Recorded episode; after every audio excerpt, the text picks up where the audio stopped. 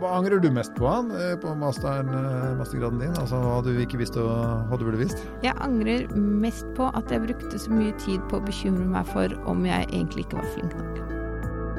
Fagbokpodden er laget i samarbeid med Gyldendal. Velkommen, Silje Bringsrud Fekjær, som er doktorgrad, i, eller, doktorgrad i sosiologi og er professor ved Senter for profesjonsstudier ved Oslo OsloMet. Det er ikke småtteri? Det blir lange titler i den akademiske verden. Nettopp. Og det er kanskje ikke så rart man kan få litt hetta da, hvis man skal uh, begi seg inn på et masterstudie selv? Nei, altså Det er jo for mange en veldig fremmed verden man skal inn i. Og den mastergraden er i stor grad liksom det første steget inn i akademiaverden.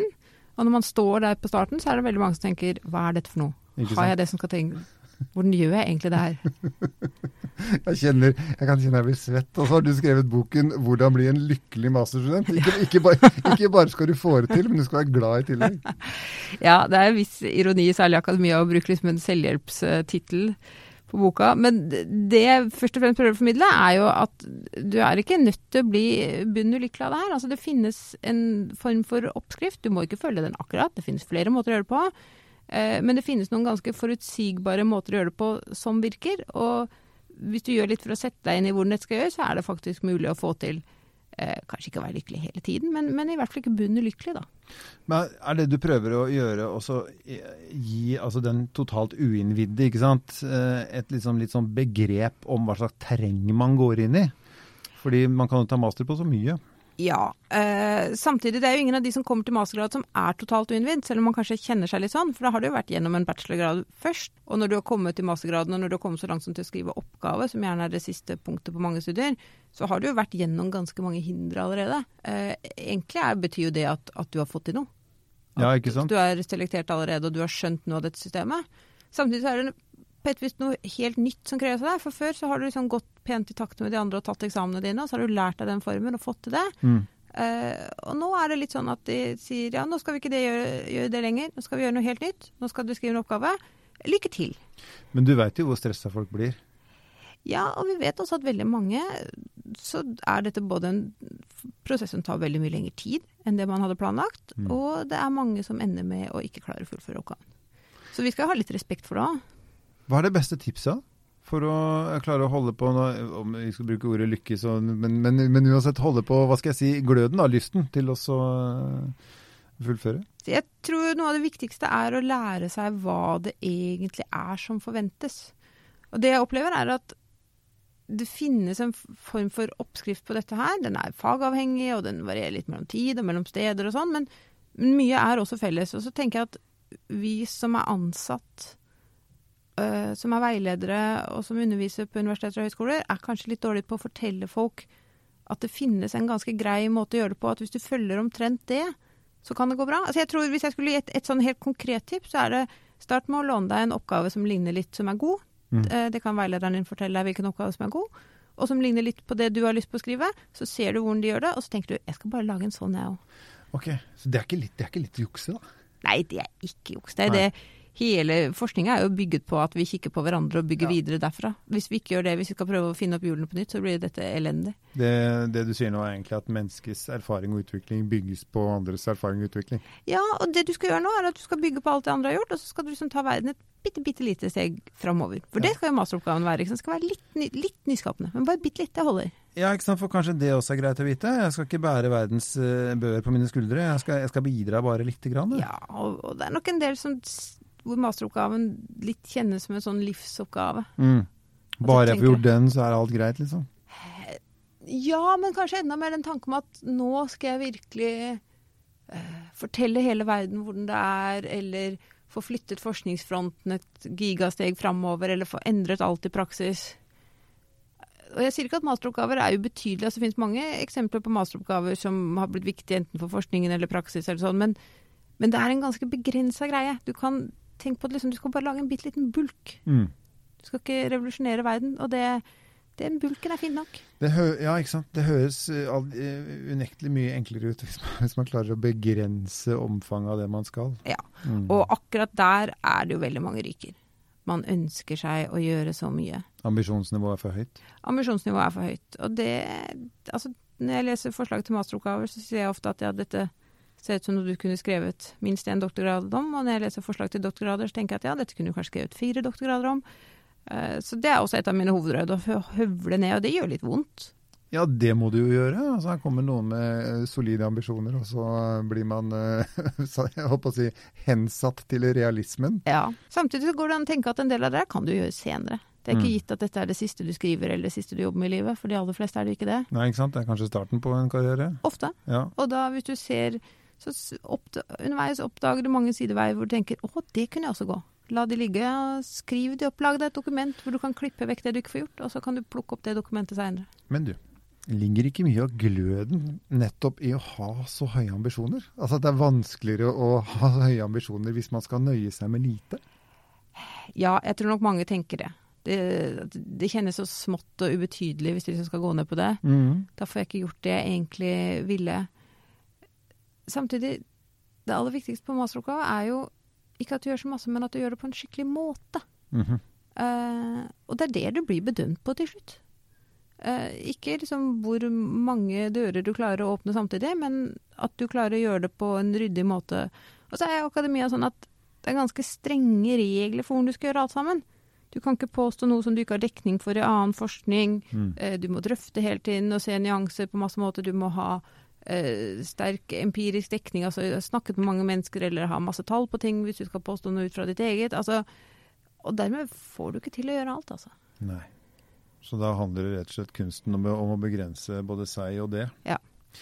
Men eh, jeg, av og til når jeg, havner i sånne situasjoner For meg så er det lettest å ta en sånn båtseilebilde. Som kommer inn mot en kyst med masse skjær og knauser og alt, så ser det helt umulig ut. Jeg får liksom ikke orden på dette. Jeg blir egentlig bare redd for å skulle seile inn i dette her og tenker at eh, nå, nå går jeg på, nå, nå, nå går det gærent. Og hver gang så har jeg lært meg at eh, når man kommer nærme nok, så begynner man å se hvor veiene går. Er det litt sånn med en masteroppgave òg? Ja, jeg tror Det var i hvert fall akkurat sånn det var for meg. Og jeg tror det er for mange. Altså Når jeg så på det på forhånd, så var jo også noe av det som skremte meg at jeg hadde sett så mange andre som ikke hadde fått det til. Altså folk som jeg liksom hadde tenkt på som veldig kloke. Og så så jeg at de brukte en evighet og kanskje ikke klarte å levere oppgave. Så tenkte jeg OK, hvordan skal jeg få til dette her da? Når ikke de klarer, ja. Der, er ikke de klarer. Altså den, den kysten der så veldig ugjennomtrengelig ut, både fordi jeg så andre som ikke klarte det, og fordi jeg tenkte dette er noe helt nytt. ikke sant? Dette har jeg ikke gjort før.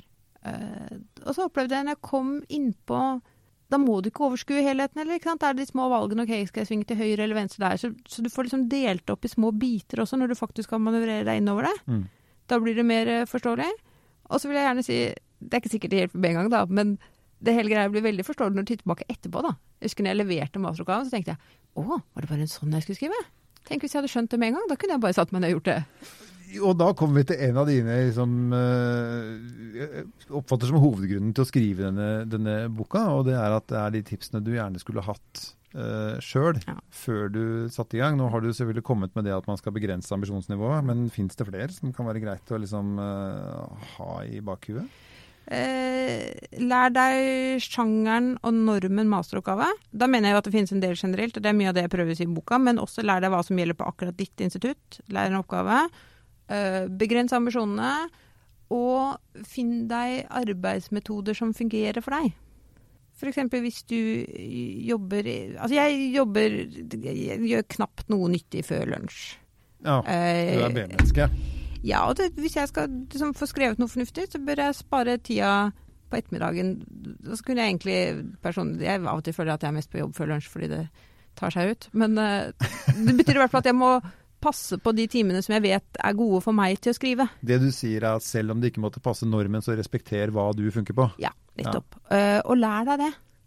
Ja. Nå må du rydde plass, da. Si til andre folk at nei, altså det er lys hos meg klokka tolv om natta, eh, men jeg kommer ikke før lunsj. Nei, og du må rydde plass i sammenhengende tid. En masteroppgave er også et veldig vanskelig arbeid å gjøre sånn i små innhugg. Og det er et problem for mange av de som skriver master ved siden av jobb. Altså mange som skriver master, man har liksom en idé om masterstudent, så tenker man på en sånn 22-åring med livet åpent. Eh, Og så er det i praksis en masse rundt 40 med to barn og oppussingsprosjekt og pendlervei og full jobb. Ja. Uh, og særlig for dem så tenker jeg at mye av utfordringa er å få ryddet sammenhengende tid. For å plukke opp et sånt arbeid og tro nå skal jeg få gjøre noe nyttig den neste timen, det er det de færreste som klarer. Ok, så bruddstykker tror du ikke noe på? Er Sikkert noen som får det til, Ja. eh, men mange av oss bruker såpass lang tid på å jobbe oss ned i dette. Og dette er noe med at dette er tyngre stoff enn veldig mye annet av det vi gjør. Det er et litt sånn konkret spørsmål rundt det, for det er sikkert mange som lurer på om de skal ta en master, ikke sant? Uh, og utvide, håper å si, gå, litt videre på det de kan mye om fra før. Uh, men eh, hvor mye, er det mulig å si hvor mye tid man må sette i løpet av en uke? Altså, jeg mener jo at mastergrader er i utgangspunktet normert til et fullstudium. Det betyr at de forventer at du skal jobbe omtrent en vanlig arbeidstid. Ja. Eh, sånn at, at de, de jeg kjenner som har satt av eh, tilsvarende en full arbeidsuke, 37,5 timer, de har levert på normert tid alle sammen. Det er mulig. Men hvis du liksom har en idé om at du skal skrive mastergrad ved siden av jobben, Ja. Eh, da tror jeg også det gjelder å gjøre noe med ambisjonene dine om hvor fort det går. Eh, men det er mulig. altså Det er fint mulig å ta en master på deltid. Ja. Eh, men det jeg tror er vanlig, men kanskje ikke så lurt, er ideen om at jeg skal ta en master med vanlig studieprogresjon, full fart framover, samtidig som jeg skal ha full jobb. Så Gjerne i den mest krevende livsfasen. Det er vanlig, men jeg tror ikke det er en spesielt god idé, altså. Ok, så til alle som måtte føle seg litt mindre For man blir ofte sammenlignet med de flinkeste, ikke sant? Det er alltid noen råtasser som Ja. liksom tar to mastere ved siden av jobben, ikke sant? Og så har de satt standarden, og alle andre er på plantestadiet. Eh, det du sier nå er at eh, hvis du i det hele tatt klarer å ta en master ved siden av jobb, så er det ganske godt gjort. Jeg syns det er ganske godt gjort, men jeg tror også det er fullt mulig. Men at da må du legge en tidsplan som er tilpasset til det. Da skal du kanskje tenke at da skal jeg ta en mastergrad på fire år, ikke Mm. på to. Det er mulig.